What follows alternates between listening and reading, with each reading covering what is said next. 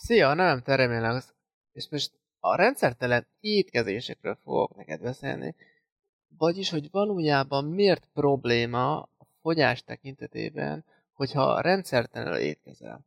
Valójában igenis nagyon nagy probléma, mivel hosszú távon vagy egyáltalán nem fogsz fogyni, vagy megállhat időközben a fogyásod.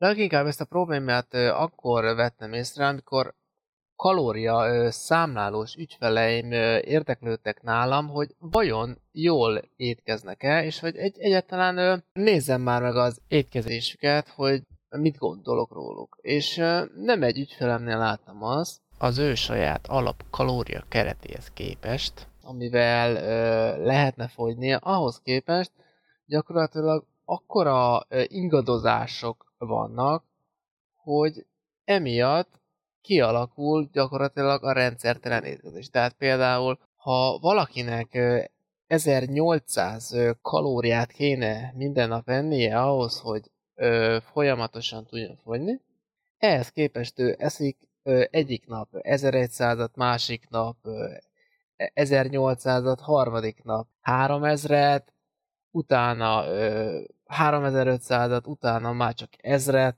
tehát ez, a, ez az állandó ingadozás gyakorlatilag egy olyan rendszertelenséget ö, ö, alakít ki, hogy egyszerűen a szervezeted nem tudja, hogy mire számíthat a következő étkezésnél, és mire számíthat majd holnap.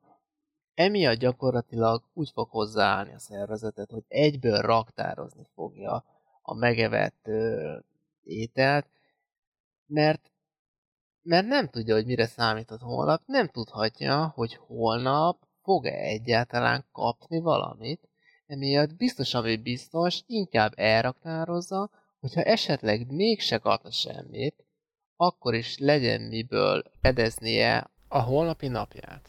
És gyakorlatilag ezért alakul ki az, hogy egyszerűen megáll a fogyásod, és nem fogsz haladni sem, és fogalmat se lesz arról, hogy, hogy, hogy mit csinálsz rosszul, és mégis ö, rengetegen azt hiszik, hogy még ha így ö, ingadozva is esznek, az átlaguk az, az úgy ö, egészen jó, és gyakorlatilag ettől várják azt, hogy valami történjen.